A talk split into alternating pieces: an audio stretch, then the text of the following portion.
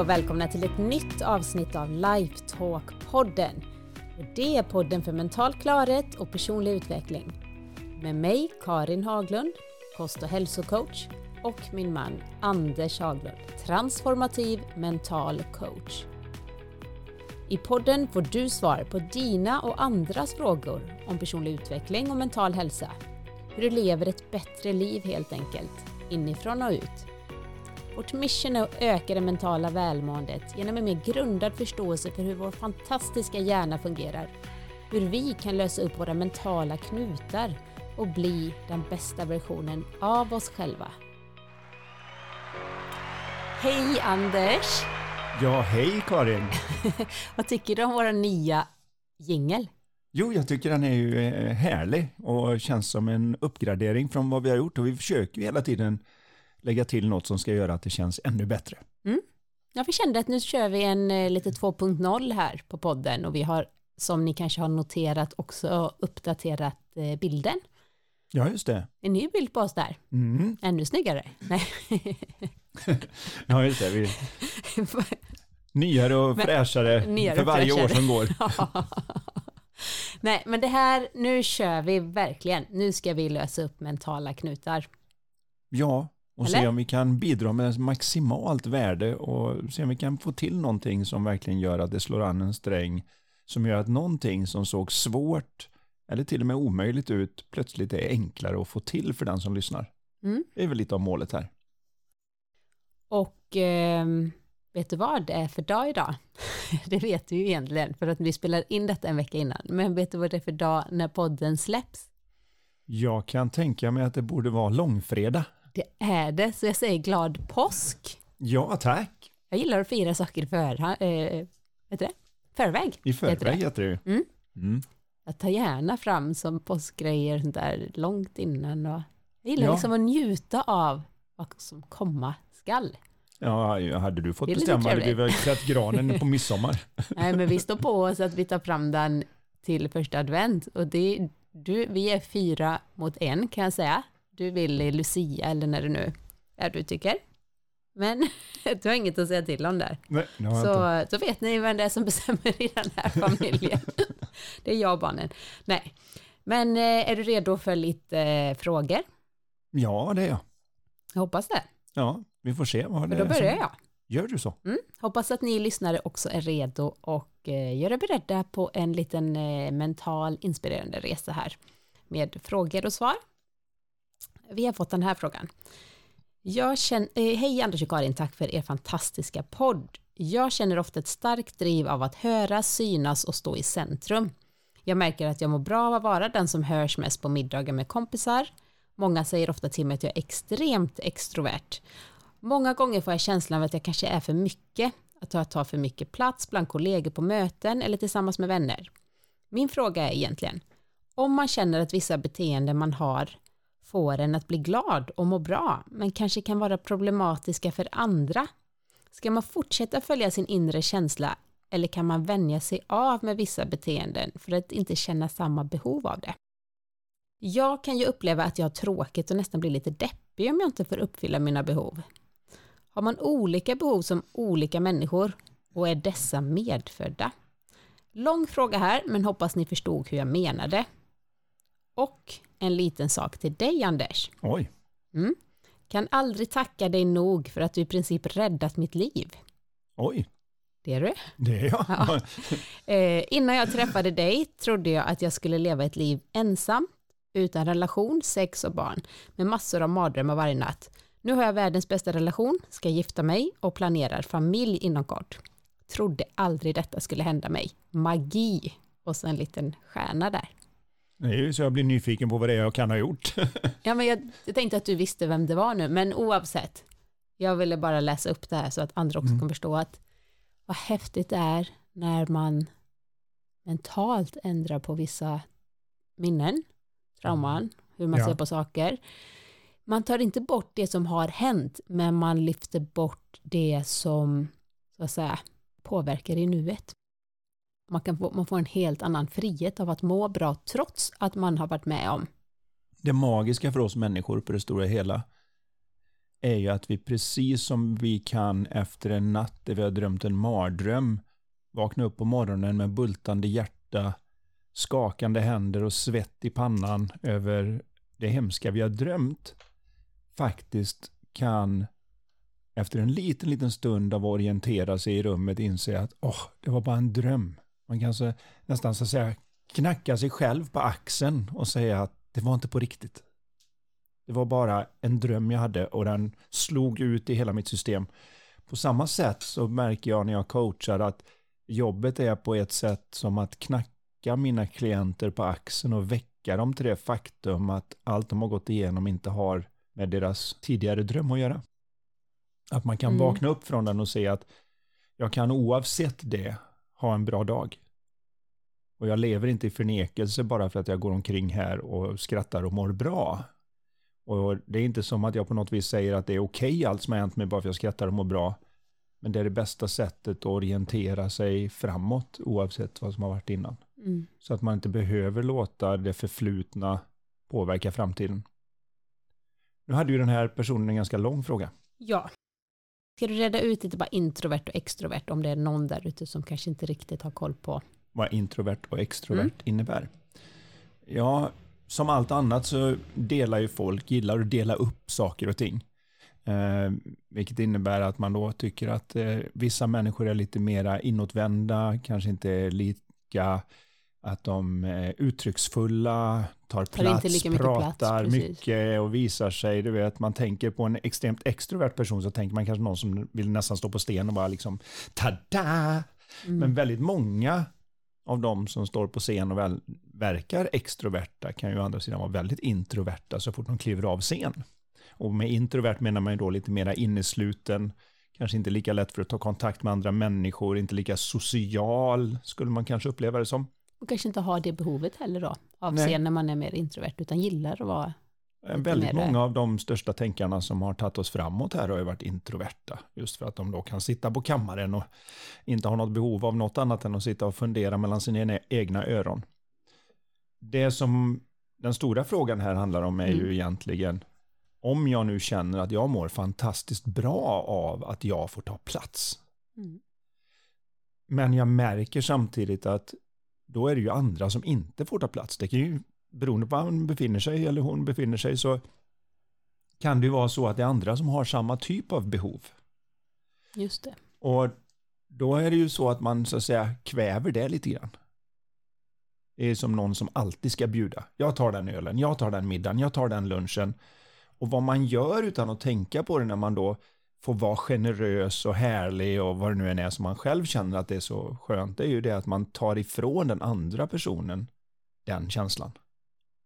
Att få vara generös tillbaka, att få bjuda tillbaka. Det är ju någonting som vi gillar. Vi gillar, vi har ju lite grann av lite bokföring i huvudet där vi känner att ja, men du har gjort mig två tjänster, nu räcker det, nu måste jag få göra något för dig. Det känner mm. vi allihopa på något vis. Och samma sak är det ju med det här, att det finns ju andra människor i rummet. Och det har ju den här personen då, säger jag han. Men, jag vet att det är en tjej. Så mm, kan jag... Ja, du, ser, du kan rätta till med det här ordentligt. Men den, den här personen då, det gjorde jag det bra, för jag brukar alltid tro att det är tjejer hela tiden. Ja, så tänkte ja. jag vända på detta lite. Men vad den här personen då missar, men som ändå de ser är ju det att ja, men det kanske är så att jag tar ifrån någon annan detta, men jag vill ju leva ut mitt. Mm. Och man kanske missar då det att det finns en möjlighet att, att säga både ha kakan och äta upp den. Att få vara i centrum, men att det handlar om att ha lite mer av ge och få. Många pratar ju om ge och ta. Men jag tycker inte det är ge och ta, utan det är ge och få. Vilket visar mera på hur enkel och dynamisk den här processen är. När man ger till någon så får man tillbaka, man behöver inte ta tillbaka. Och ser man det så är det väldigt uppfyllande att låta andra få ta platsen under en period och ha ett samspel i det. Mm. Och det har ju den här personen redan börjat fundera lite över. Hur ska jag göra med det här? Och är det här medfött? Att jag, man kan ju titta på en kull med valpar. Där det alltid är någon liten som ligger i hörnet och liksom mest gnyr och vill inte lämna mamma och korgen. Och så har vi någon annan som bara studsar ut och springer ända ut i korridoren och hittar knappt tillbaka. Liksom. Så på samma sätt är vi människor så att vi har vissa grundinställningar i vårt system. Olika personligheter, ja, tänker jag också. Det märker man ju tydligt när man har tre barn. Liksom. Det är ju dina gener och mina gener och ungefär samma typ av uppfostran och idéer om hur det ska vara. Men tre helt olika själar. Så att det här gäller ju för alla, men det gäller också att se att vi lever, man kan inte leva helt bortskuren från sitt sammanhang. Vi människor är sociala varelser. Så att jag, jag tycker inte det handlar om så mycket att lägga band på sig eller tona ner sig eller något liknande, utan det handlar om att se att jag kan uppfylla mitt behov genom att också låta andra få den möjligheten. Så att det blir en ge och få i konversationen. Mm. Det blir en ge och få runt berättelserna av de olika historierna runt bordet. Och detta brukar ju ske ganska automatiskt, det samspelet. Det är inget man behöver tänka så mycket på när man är, återigen då vi till mental klarhet, när man är lite mer i balans så kan man vara balanserad extrovert så att säga. Så man märker att det flyter på, man kan känna av att oj, nu, nu är det någon annan som vill säga någonting. Men när man är kanske lite övertaggad eller som sagt var inte riktigt känner in, då finns det ju risk att man tar, som sagt var, kanske för mycket plats eller att någon mm. upplever det. Men jag tycker inte man ska börja tänka för mycket på det heller, för då blir det lätt att man skapar ett problem kring någonting som antagligen inte ens är ett problem. Hon är ju glad av att, av att må så här och, och bete sig på det här sättet. Och jag antar att hennes vänner tycker att det är otroligt underhållande och trevligt med en extrovert person som eh, sprider lite positivitet och glädje. Men det kan man ju också fråga sina vänner. Eller så kan man göra som det kan hända med mig ibland, för att när jag är inne i någonting så kan jag vara så inne att jag glömmer av att andra kanske ska få chansen att prata om det här. Eh, och då har jag ju en fru som gärna sparkar till mig på benet eller så. Det har hänt. Som för då, jag kan jag säga, det är ju faktiskt ganska intressant att när du väl, så säga, jag vet inte, det är som en artist där du sa i början, när du väl står på scen, eller när du kommer in på något spännande samtal så här, det går inte att stoppa dig, du är bara, och jag tror folk som hör dig på en föreläsning tänker att du är extremt underhållande, extrovert, så. Men jag känner ju dig 24 timmar om dygnet och vet att du har en lika introvert sida. Ja, jag är väldigt professorlig när jag Och det tänker nog inte många på, men det ska jag berätta här hur Anders Haglund är. Nej men du är precis, du är professorlig. Och vad betyder det? Jo, att du sitter och grunnar på någonting och glömmer att äta frukost, lunch, Kanske inte middag också, för då brukar du hunnit bli hungrig. Men du är så inne i någonting, inget behov av att, så att säga, socialisera, eller, utan du är liksom helt i din egen värld. Men varje gång jag träffar kompisar, om man är ute någonstans och så, då lever man ju upp på ett sätt som alla mm. tror jag gör. Vi är ju så sociala. Men det är inte som att jag söker mig naturligt till det som vissa människor gör. Och det ingår väl också i att jag drog mig till golfen som jag, där jag då var proffs. Det är en väldigt individuell sport där man står i ett hörn på ranchen och helst inte vill att någon kommer och stör för jag håller på att försöka få min högra armbåge på rätt plats. och vill här då inte som i fotboll eller något där man vill in och snacka med grabbarna i omklädningsrummet eller göra övningar tillsammans och så. Det, det gör du i stort sett inte utan allting är ju individualiserat i det. Och då passade det lynnet ganska bra. Mm. Och jag vet ju min, min mamma berättade ju det på tal om det här hur man är född och så. De kunde ju nästan inte tro på att jag faktiskt inte hörde när de ropade på mig när jag läste Kalanka eller så. De, men de lärde sig till slut att jag får gå fram och putta på honom. För annars så är han inte hemma alls. Och det var ju samma sak när vi träffades. Att det, även om jag sa det så kunde du liksom sen, nej nu måste du ha hört. Vad ska det in så här att du säger ibland, mm, så här, och då tror jag att du hör. Och sen bara, Anders, okej, okay, vad sa jag? Eh, så, men nu vet vi det. Hela familjen vet det. Till och med Colin som är, ja nu är han sju, eh, kommer fram till dig, tar händerna om dina kinder så här, mm. rider på ditt huvud så att han ser dina ögon.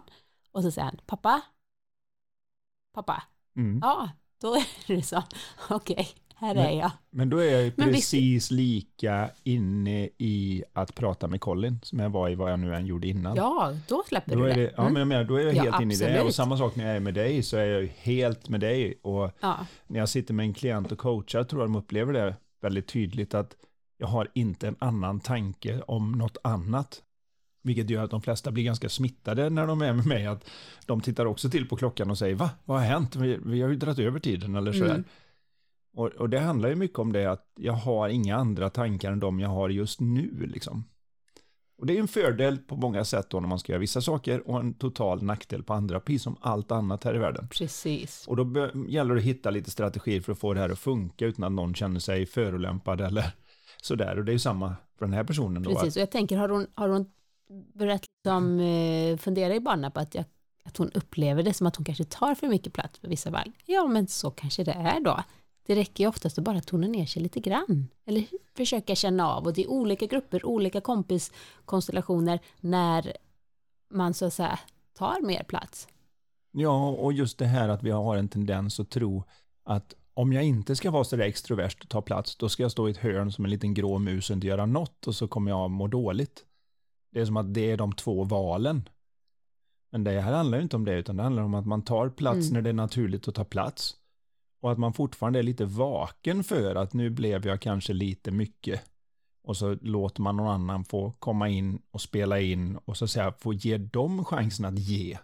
Mm. Och inte bara få. För det kanske är någon som är extrovert light som sitter där som inte riktigt, så kan det också vara. Jag menar det, jag tror ju att vi är både och och i ditt fall är det väldigt tydligt att du är nästan 50-50. Jag är kanske mera extrovert, men jag är också introvert.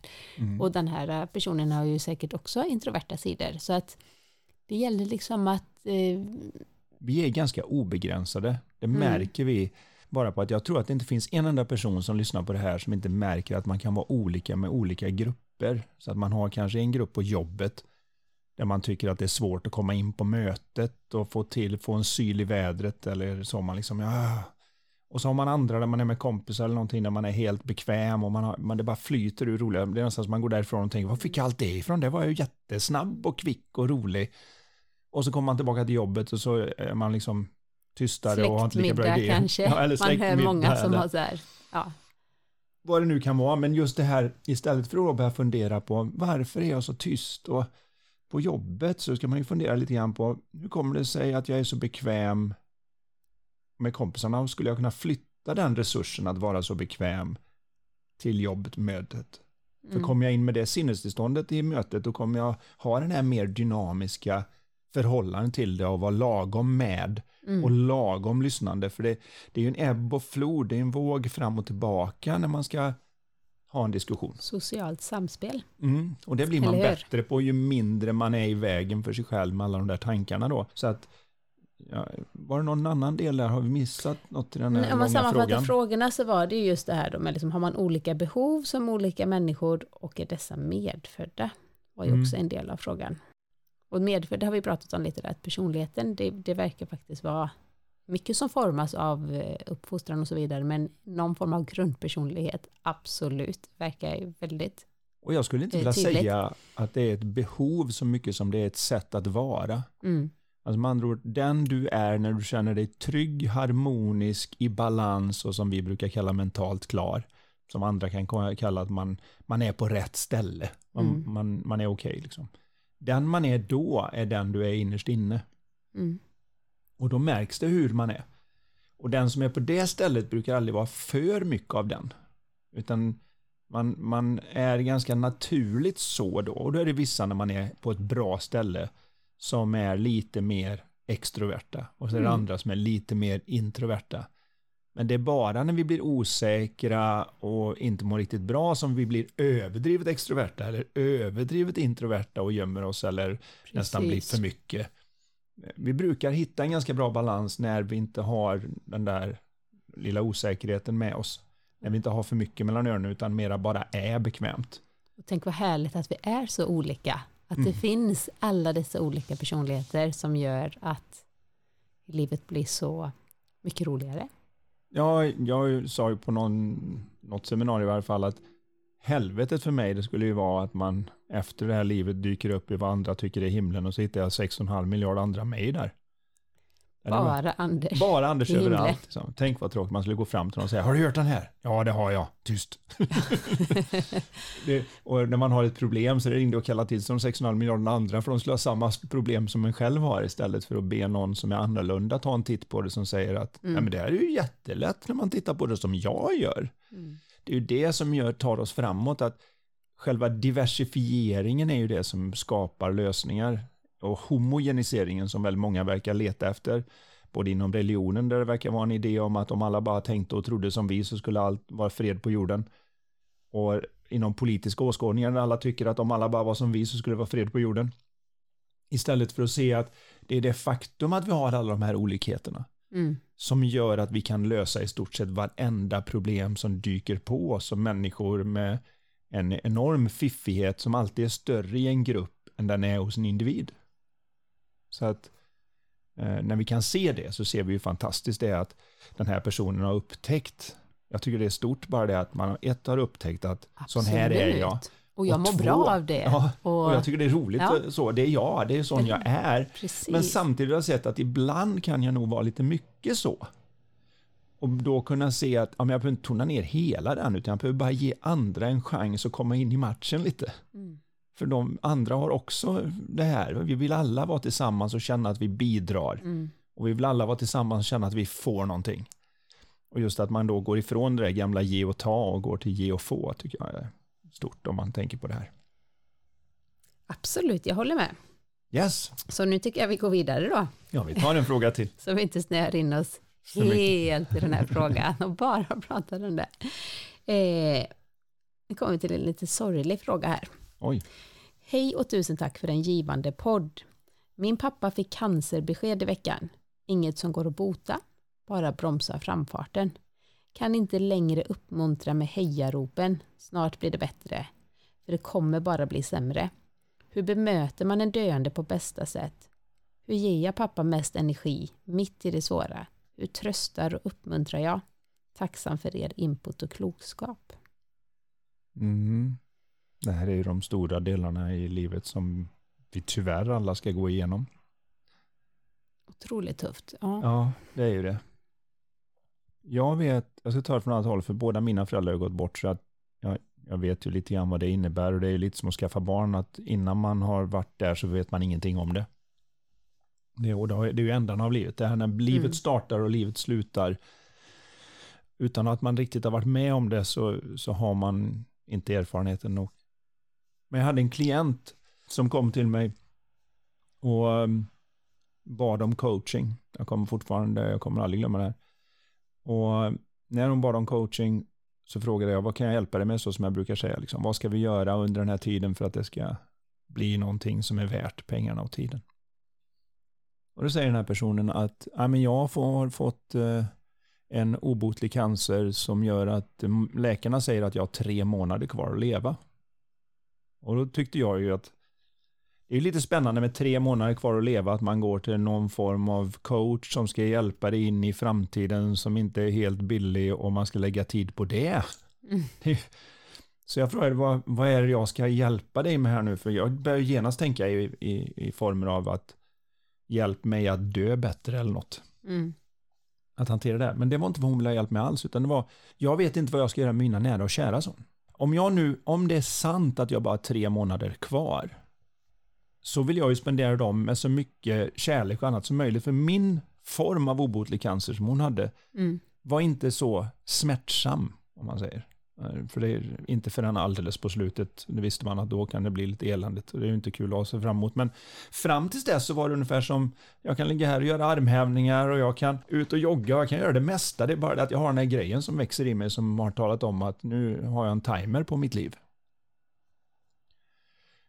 Och hon sa det, mina nära och kära låter inte mig vara lycklig den här tiden. För det var nästan som de tyckte att, nej men nu, nu du kan bara ut och du kan inte hålla ha så. Man De inte, trodde kanske hon eh, förträngde. ja, och, och, och Eller var lite oroliga för det. Att lever i förnekelse och förtränger det hela. Så när hon skrattade och mådde bra eller försökte göra något roligt och liksom styra upp att de skulle dansa eller något sånt. Nej men ta det lugnt och du, du, du. Och de var så tassade runt Mm. hennes situation så mycket för de visste inte hur de skulle hantera detta. Detta är ju jättesvårt. Mm. Men det hon vill ha hjälp med är hur hanterar jag det? För till slut blir jag sur på dem att de inte låter mig ha roligt nästan. Att jag inte får leva mitt liv som jag vill när det är slut. Det kan ju ta slut för vem som helst när som helst. Det kan ju vara att någon av de andra går ut framför en buss imorgon liksom. Men de andras tankar om att förlora, att säga, den här mm. personen och vad som skulle komma och hur jobbigt det ska bli för henne och hur folk försöker ju gärna sätta sig in i en persons sits och tänker hur illa de skulle må om de var i det läget. Mm. Vilket är sympati. Okay? Sympati är att känna efter hur jag skulle må om jag var i den situationen som den andra personen är och må dåligt över det och känna att man har någon form av kontakt för jag kan känna hur illa detta är. Empati däremot, den kan man ha utan att behöva sätta sig in i det. Man kan, då kan man låta den andra personen gå igenom vad de går igenom utan att jag ska behöva tro att jag är en dålig människa för jag inte går och mår dåligt också. Jag kan sätta mig in i vad det innebär utan att behöva gå omkring med den dåliga känslan som är förknippad med det. För jag går inte igenom det. Mm. Och det har de flesta koll på så att om man nu ska ge något råd i den här situationen så är det just att ha en så normal relation som möjligt.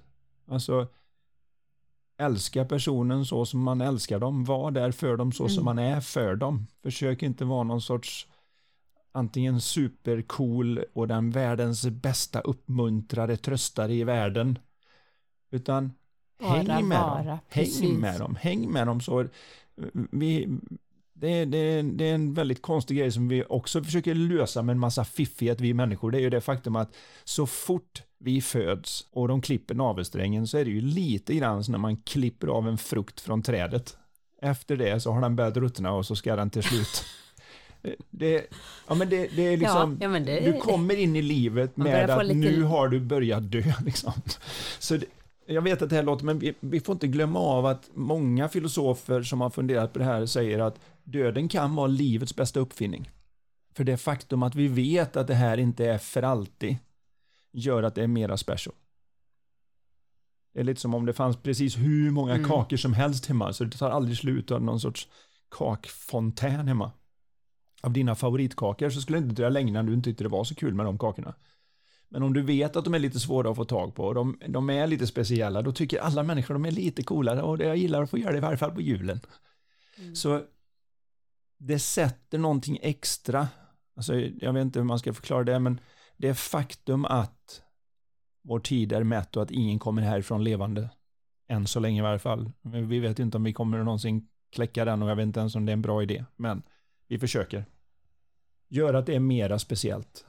Och när man har det här så är det så lätt att gå in i tankar på hur hemskt jag skulle må, hur hemskt det kommer bli för mig och hur allt det här som gör att man går ner i humöret och när man är nere i humöret så har, tappar man närhet.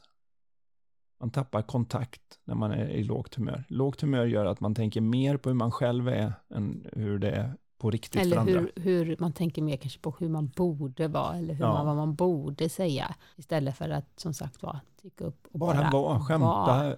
skoja, finns där och när de har det jobbigt så tröstar man så gott man kan. Det här man säger dela glädje och sorg. Ja. När man gifter sig. Lite så, för att självklart är, är eh, den här personen ledsen, vars pappa är döende, och självklart är pappan ledsen. Eller självklart, det är ja. det ju inte, kanske inte självklart, men det tror jag. Och de delar ju det med varandra. Det, det är någonting som gör att man kan bli närmare. Mm. Det är någonting där man kan prata om det eller om den andra personen då vill känna, nej jag vill inte tänka på det nu. Mm. Jag vill ha den här dagen utan den som ett blöt filt över min dag. Mm. Att min tid är mätt. Skulle han kunna fråga sin pappa? Självklart, det brukar vara det bästa. Det är som när man har ett, det är en väldigt konstig jämförelse in här, men det är som när man har kunder. Det bästa sättet att få reda på vad de vill ha det är att fråga dem. Mm. Och i det här fallet kan det vara så. Hur, hur, hur vill du helst att jag är kring det här? För det här är jätteklurigt. Och det kan också vara en diskussion som gör att man kommer närmare varandra. När pappan kanske då säger det att du, äh, jag förstår ju att det här är skitjobbigt för dig också. Och jag vet inte riktigt. Ibland så vill jag nog vara i fred och ibland så säger jag att jag vill vara i fred fast jag inte vill. Och, eh, det går upp och ner mm. beroende på var man är någonstans. Men det är att vara människa och vi kan inte göra mer än så gott vi kan och det är, mm. väldigt ofta så är det det bästa som finns. Så att vi tror att vi ska vara sådär, jag vet, jag pratar med idrottare och där, att de tänker att jag ska ge 110 procent. Och det finns mängder med studier på att när en människa upplever att de ger 85 procent så går det alltid bäst för dem. Så att de inte pressar. Just det. Och det här gjorde man med sprinters bland annat då. Eh, det var de som är mest berömda är väl Santa Monica Sprint Club som hade Carl Lewis och alla möjliga. De var dominerade på alla VM och sånt. Där de upptäckte det att sa de till någon så här, idag vill jag att du ger allt du har. Det är liksom 100%, 110%, 1000%. Du ska bara ge allt du har. Och så någon annan pass så sa man det, nej men det låter väl lite lugnare. Ta och spring de här 100 meterna 85% av din förmåga. Alltså med andra ord, ta i ordentligt men ta inte i så du kräks liksom. Och varenda gång gick det fortare. Varenda gång. För alla personer. Det var ingen som inte sprang fortare när de tänkte 85% än när de tänkte 100%. Och jag tycker att det är en fascinerande del som även funkar känslomässigt i viss mån. Att jag ska vara där 100% hela tiden i alla former eller så. Mm. Istället för att se att vi kanske är där som allra, allra bäst när vi har ett lite mera sunt förhållande, sunt till, förhållande till det. När vi inte ligger och så att säga tar i max för att trösta, så att säga. Eller tror att det finns någon 100-110% perfektionsgrej i en sån här svår sits. Ingen vet hur man riktigt ska ta sig an den och det är så olika Nej. för olika människor. Och, man, och, att göra så gott man kan, det är att man hamnar på den där 85 procenten som verkar vara så 100 procentigt som vi kan få det, för då går det till och med bättre liksom. Och jag vet inte om det kan hjälpa den här personen, men det är, det är min upplevelse att vara var så mycket du som möjligt. Och våga vara i dina känslor. Jag mm. tror många är rädda för att visa sig ledsna i, i en sån här situation. Mm. Men eh, det förstår pappan. Ja. Och just det, det, kan man till och med dela på ett fint sätt, sorgen också. Och, och connecta till det positiva, precis som man gör med vänner man träffar. Vad är, vad är det första man gör när man träffar de här vänner som man har haft sedan länge? Som man kanske inte träffar jätteofta för det är familj och det är jobb på olika håll och så får man chansen att träffas i killklubbar och vänner och sådär. Eh, vad, vad jag har märkt så är det ofta så gör man så att man berättar lite av de samma historierna. Kommer du ihåg den gången när vi? Kommer du ihåg, man, man gör en connection med, så här, du kommer ihåg den gången vi skrattade så mycket när det, det där hände. Det kan också vara Anders att vi håller på att bli Gamla Eller gamla. det, tyckte man alltid Nej, men jag, om de jag, äldre, att de tog upp så här gamla alltid grejer. gamla minnen. Ja, men det beror på hur gamla nej, men jag förstår vad du menar. Man, så länge man har varje minnen grupp, att... Varje grupp återknyter. Träffar man lumpapolarna så pratar man, kommer du ihåg när vi gjorde det vindskyddet ja. och han trillade i det? Ja. Det är ett sätt att återknyta till de positiva känslorna och visa att vi hör ihop här. Här, är, mm. här har vi något gemensamt. Mm. Och där kan man då till exempel här med sin pappa. Jag vet ju när jag i stort sett fick reda på att nu är det inte långt kvar. Mm. Jag satt och hängde med honom och tittade på tv. Det är klart att jag skulle kunna börja säga, vad är alla frågor jag skulle ha frågat och så att inte den visdomen försvinner och jag har en lista här nu pappa. Eh, och han Men, var ju inte, om man nu pratar introvert och extrovert, inte speciellt extrovert, så han mådde ju väldigt bra kan jag tänka mig i att du bara var där mm. med honom. Tittade ja. på hans älskade tv-program. Ja, och, och, han hade inte några andra behov. Nej. Att och, prata om just det här återknyta lite grann. Jag pratade liksom om, kommer du ihåg den gången när du körde mig till den där banan och vi gick ut och spelade, du och jag. Och så var Helena Alfredsson där och tränade samtidigt, så jag morsade, för vi var i landslaget ungefär samma ålder. Och så spelade vi med henne. Och jag kom, och kommer ihåg det du bara tänkte, hon slår ju längre än vad jag gör, vad är detta? Och sedan var jättejobbigt som gammal fotbollskille och alltihopa där då. Mm. Och så började vi prata om det och skratta åt det och hur, liksom, det var första gången som man liksom fick se en tjej som verkligen var galet bra. Och, på golf? På golf. På golf. ja, det är kanske bäst att särskilja det, men jag trodde det var uppenbart för sammanhang. Hon är säkert bra på massa andra saker också, men just, just det här att återknyta i det här, att få skratta tillsammans, att, mm. att för, så att det inte bara blir den där blöta filten av att åh, vi är ledsna, åh, vad vi är ledsna, åh, vad vi är ledsna, utan vi har ju alla ett behov av att få må bra även i de svåra tiderna. Man ser det i krigszoner, barnen är ute och spelar fotboll medan det stort sett bombas på andra sidan stan. Och man leker kull och man leker kurragömma och man det är inte som att de säger ja, ja, men det gör jag och tänker bara att allt är bra. Nej, jag vet hur det är, men vi har ett behov av att få ta en att få connecta med det här djupare positiva i oss också. Mm. Och, och, där tror jag det är viktigt. Jag hoppas att det kan ge någonting här att försök inte göra det fullt så märkvärdigt. Det är sällan vi kommer ihåg det. Det mest romantiska man gör ihop med sin partner är ofta liksom den där handskrivna lappen eller de bakade de små 85, frallorna. 85 ja, men, de, de lite mer 85-procentiga dagliga grejerna är de som blir mer magiska än den där när man slog på stort. Eh, det känns nästan som att nu måste jag ha roligt för så mycket pengar som jag har lagt. Mm. det, då, det finns en viss, en viss tankepress i det som är bra att undvika i de här sitsarna och bara vara och inse att det här är en svår situation och vi kan inte göra mer än det bästa vi kan här. Och hålla oss så positiva vi kan och vara helt okej okay med att vi är ledsna när vi är ledsna. Och fira livet snarare än döden, trots allt. Alla år man fick, mm. snarare än de år man inte får. Mm. Oh, bra sagt. Jag hoppas jag ger er alla som lyssnar. Och det gav mig. Älskar att bli påmind om, om livet helt enkelt. Man känner sig mer levande när, som du sa, bara när man vet, när man pratar om död. En del är ju sådär att de aldrig vill prata. Inte nämna död, inte prata om död. Och jag, jag vet inte, jag tycker det är rätt. Alltså det är också viktigt att prata om döden. För då så länge, så länge det inte blir för mycket. Jag hörde någon sån här gammal, eh, jag kommer inte ihåg vart jag hörde det nu, men det var någon kille som kom till psykologen och så säger psykologen eh, till den här killen, och kan jag hjälpa dig med då? Nej, jag vet inte riktigt varför jag är här. Nej, jag vet inte vad du vill hjälpa med? Nej, det är min fru som har skickat mig. Jaha.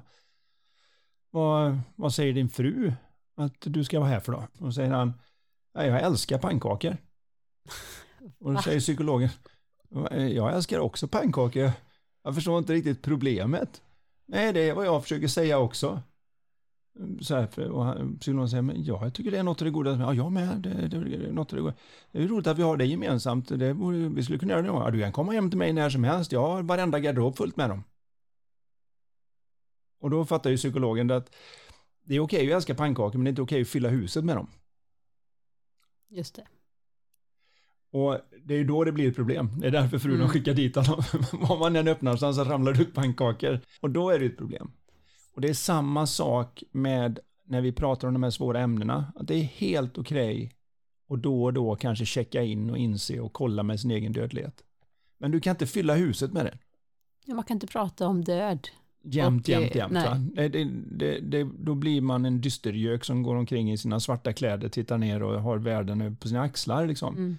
Så att allting har ju sin proportion där och alla vet att det är helt okej okay att gilla pannkakor men det är inte okej okay att fylla huset med det. Och det är samma sak när det är helt okej okay att sitta med pappan och prata om att det här är lite jobbigt och vad det nu än är. Men du kan inte fylla rummet med det jämt. Nej. Utan du behöver fylla det med allt det andra som hör livet till också. inte om det är, men det är, det är viktigt att förstå den biten att det är inte ett problem. Det, allting är ju så. Det är bra att dricka vatten, men dricker du 9-10 liter så dör du. På kort tid, ja. Ja, om du dricker under ett halvt dygn eller någonting. Då blir, det, då blir cellerna för långt isär och elektrolyterna kan inte nås med elektriska signaler så dör du av vattenförgiftning liksom. Nu är det ingen som dricker så mycket, eh, utan om du håller dig på 2-3 liter om dagen är det jättebra för de allra flesta om du inte anstränger dig väldigt mycket och bor i varma. Då kanske behöver upp på 4-5 liter. Men, men det är fortfarande inget problem för kroppen Eller klarar det. Eller ammar kan jag tillägga. Kommer du ihåg hur mycket vatten jag drack? Då, ja. Ja. Till och med en vattenflaska vid sängen mm. alltid. Mm. Men drar du iväg nu och dricker 9-10 liter så är det att fylla huset med vatten. Så jag förstår. Det, det, Ett sunt förhållande till både sina tankar och sina... Ja, det är ju precis som kroppstemperatur. Vi vet ju att kroppen fungerar bäst, enzymerna fungerar bäst vid 37 grader. Vi vill inte upp några 40 grader, vi funkar inte bra där. Vi är absolut inte ner på några 35 grader. Så kroppen har liksom ett litet ställe där vi funkar och det är ju samma sak att vi har en liten, precis som jorden ligger på ett lagom avstånd från solen för att kunna ha liv och vi vet ungefär hur vi ska leta runt andra stjärnor för att ha en chans.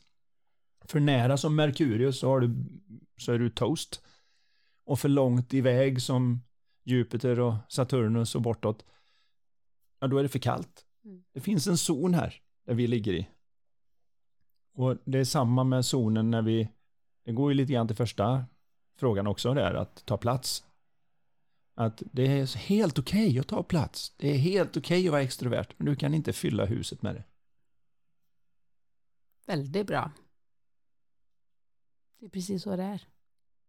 Finna dansen i livet helt enkelt. Den mentala dansen. Nu kör vi en till fråga. Mm. Hej Karin Anders, vill gärna höra er diskutera ledarskap och att bli bättre på att entusiasmera andra i sin närhet. Jag är vd på ett litet bolag med åtta anställda. Vill gärna ha tips. Tack för en bra podd. Hälsningar Erik. Mm. Kul, då har vi ett namn också. Ja, Och ni som vill skicka in frågor ner på lifetalkpodden.se och jättekul om ni skriver att vi får använda namnet så blir det lite lättare att... ja, vi behöver inte använda mer än förnamnet så Eller känns det lite personligt. Ja, precis. Då får jag Mm. säga hej till Erik då. Eh, och det här är ju rakt upp i vad jag håller på med väldigt mycket. Jag menar, vi var i Dubai och körde ledarskapskurs Tid att leda. Mm. Och även på andra ställen har vi varit med Tid att leda. En hel vecka. En hel vecka vi människor där bara vi- gnuggar på det här. Och huvudtesen för mig som är lite annorlunda mot många andra ledarskapskurser och annat är just det att det går inte att leda andra om man inte kan leda sig själv. Så första steget är att lära sig tillräckligt om mänsklig psykologi, mänskligt beteende, hur livet fungerar för att kunna använda det med sig själv. Man behöver inte vara perfekt på minsta sätt, men det är första steget. Nästa steg är att när man väl har det i bagaget, då kan man ta sig an andra på en helt annan nivå. Det blir så mycket lättare att sätta sig i någon annans skor. För om det finns en sak som förvånar mig fortfarande med tanke på mycket vd och annat som jag har coachat genom åren, så är det just den här att även de kan vara så chockade över att andra människor inte är dem. Att andra inte funkar likadant. Att det är lite som att jag brinner för det här företaget och jag är det här tidigt, jag är det här sent. Om bara de här andra kunde se hur fantastiskt det här är, så bra det skulle kunna gå. Och då tittar jag på dem och säger, ja men då hade de ju haft ditt jobb, så nu är det dags att vi jobbar med- med det vi har. De kommer inte, de kommer inte vara lika investerade som du är, det är din firma. Eller det är du som sköter ledarskapet i den, beroende på om man är ägarledd eller om man är tillsatt exekutiv vd då. Men vill man entusiasmera så handlar det mycket om att se att jag behöver, för att få med andra i entusiasm, så måste de känna sig delaktiga. Du har aldrig någon entusiasm utan delaktighet. Så det är, det är första delen, att, att bli bättre och bättre på att kunna berätta storyn om företaget och visionen som man är på gång med. Det var en av de största grejerna som Steve Jobs hade till exempel med Apple. Hans grej var ju inte att han var en fantastisk ingenjör eller dataprogrammerare eller så. Det var ju Steve Wozniak som stod för den delen. Men Steve Wozniak hade inte kunnat göra Apple. Utan det var Steve Jobs som kunde göra Apple därför att han hade förmågan att entusiasmera och måla upp något större så att de till och med när de förstod det stod ut med att han kunde vara en idiot ganska ofta. och en historia som jag läste om i hans biografi som jag tycker visar mycket på ledarskapet, det var det när han förstod att nu måste jag ha en vd, jag vill gå över i mera rådgivande funktion där jag står för design och idéer och funktioner, men nu är vi så stora och jag kan, jag vet inte hur man gör när man skjuter tiotusentals människor, så jag behöver någon som är van vid det. Men problemet var att när de skulle upp i den så fanns, fanns det nästan ingen riktigt bra ledare på den nivån som ville ta hand om Apple som var på väg upp. Varför skulle jag gå ifrån en säker deal till det här som kanske inte ska bli något? Och då gick han, jag kommer inte ihåg vilket företag det var, men det var ett av de större företagen i USA och träffade vdn där som han tyckte den här killen tror jag vore bra för oss. Och han tittade på honom ungefär som att varför skulle jag gå ner till en tiondel i lön till ett företag som inte ens är nära det jag har liksom. Och då hade Steve bara tittat på honom och sa så här, vill du sitta kvar här och jobba för de pengarna eller vill du följa med och förändra världen? Och så fem minuter senare har han skrivit på kontrakt som vd för Apple istället. och Ja, Det är häftigt. är du med det, det är en förmåga att berätta en historia. Liksom. Vill du verkligen sitta här och göra det du gör bara för att du tjänar pengar? Eller vill du ha- haka på här borta? För jag, jag tänker förändra världen. Jag tänker förändra hur vi ser på elektronik. Jag tänker förändra hur vi ser på användarvänlighet. Jag tänker förändra det här. Och vill du vara med i det istället? Då var han så entusiasmerad att han var villig att gå ner till en tiondel i lön och haka på. Liksom. Det började egentligen med att han, Steve, själv var så entusiastisk över det här. Ja. Så att jag tänker på den här vdn Erik då, att han själv vet vad är det jag vill med det här företaget. Vad är det vi, vad är det vi ska? Och, och liksom är verkligen är entusiastisk över det. Det brukar folk bara känna, för att man själv är så målmedveten, man vill det här, man ser fördelarna. Och så man behöver ju så sagt, sagt vis hitta det i sig själv först, för mm. att kunna sedan också peka på det och visa andra, titta här, mm. wow. Mm. Ja, kunna berätta den historien på ett mm. sätt som, för det är mycket vad allting handlar om idag, en storytelling, både för sig själv, för de anställda och sen till kund. Och kan du berätta den på ett sätt som visar att vi gör det här för att vi vill lämna världen bättre, för att vi etiskt ska göra det här på rätt sätt och så vidare, då, då köper det, väldigt många människor gärna in sig. Och det är det vad det handlar om egentligen, det är vad försäljning handlar om idag. Förr i tiden så handlade det i stort sett om att kränga, om man säger så. Idag handlar försäljning mer om att skapa relation, att utbilda kunden i värdet och få dem att se att det är en no-brainer att ger du mig en miljon så får du två miljoner tillbaka. Och kan de se det tydligt så är det ju bara frågan om hur ofta kan vi göra det här? Mm. Medan den andra, då var det liksom att, ah, kan du köpa av mig lite mer? Alltså hur får vi dig att köpa snarare än Ja, men en riktigt bra säljare är ju väldigt entusiastisk över sina, nu produkt eller... Ja, ja. Det, det är ju, mycket det? handlar ju om det, att du ska ju själv vara genuint i det. Men eh, största rådet här för entusiasmerade är att bli lite klarare själv för det, ofta har man ju en känsla av, om man nu är vd i det här företaget, så har man ju en känsla av vad det är man vill. Man har en känsla för vad det är. Men jag har kanske inte kokat ner det så att jag kan berätta det för mig själv på ett sånt sätt att jag tänker att det här skulle jag vilja haka på. Och ju mer du kan få till den, ju lättare är det att entusiasmera de andra. Och att man är öppnare i, i den diskussionen med de här övriga då, de här, när man, än så länge så har de en så pass liten grupp så den kommunikationen är ganska lätt eh, jämförelsevis. Eller så kan man ju göra Tratata, lite reklam. Nej men du brukar ju faktiskt komma in i just sådana här företag. Ja. Ganska ofta, 8-10 personer, 8-12.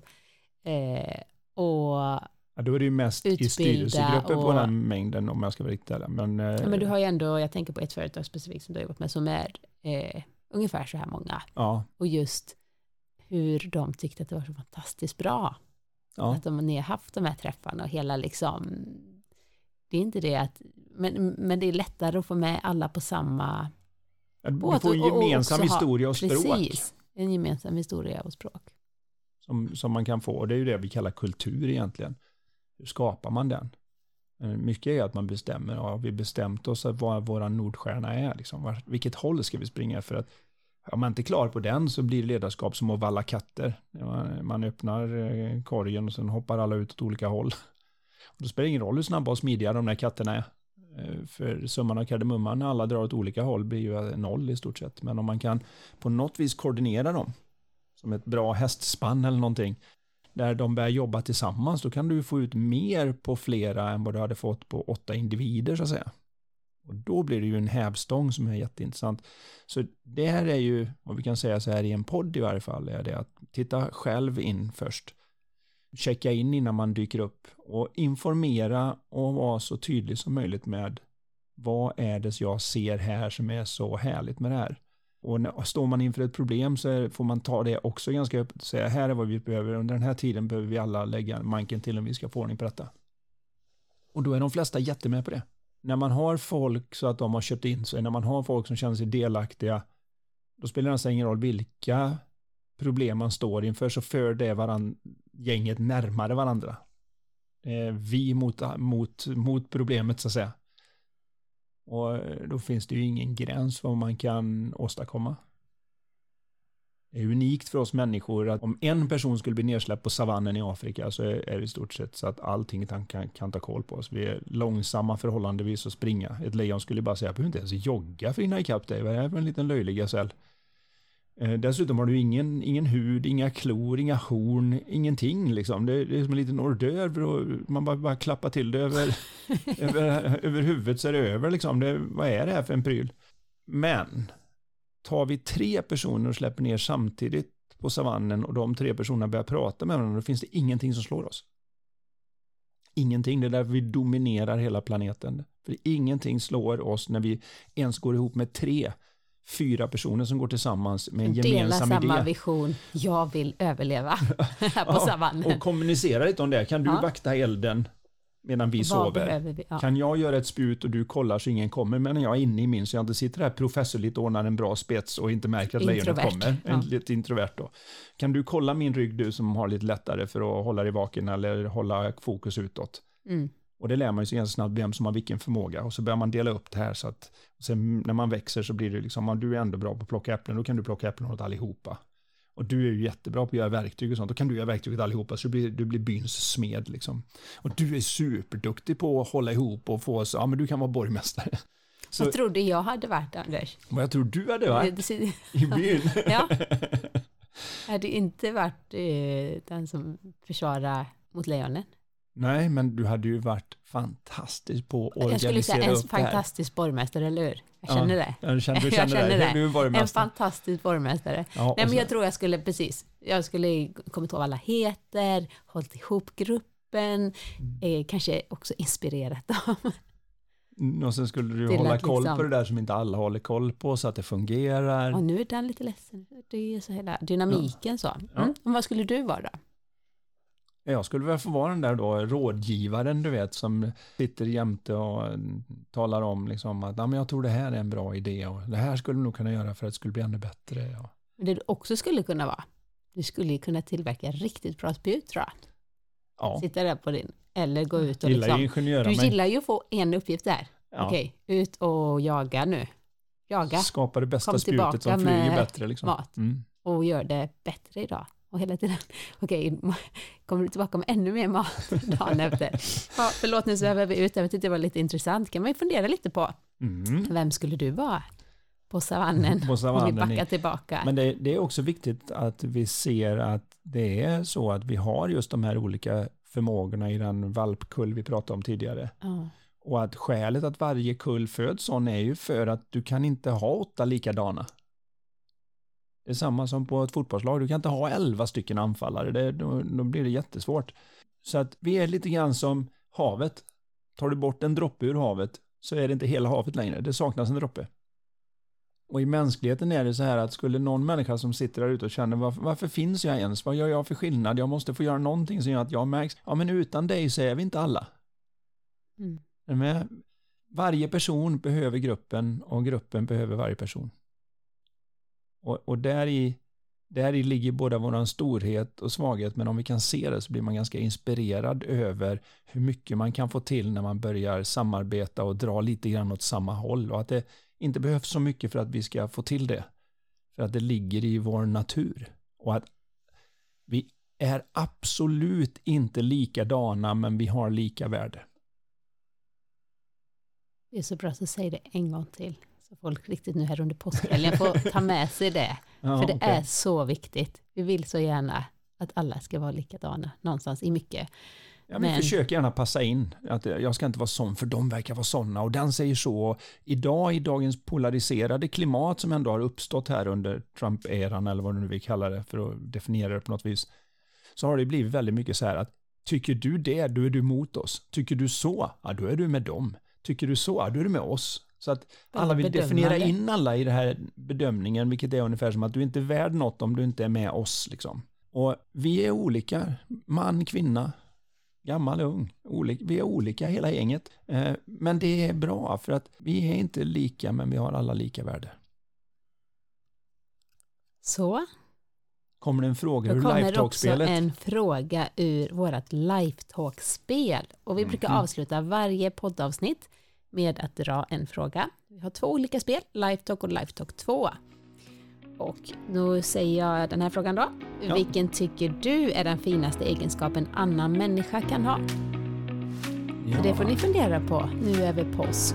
Och jag Kan vi ta den en gång till om de missar lite? Jag... Vilken tycker du är den finaste egenskapen en annan människa kan ha? Och så säger vi glad påsk, Påsk. och vi ses som, eller hörs om två veckor. Det gör vi.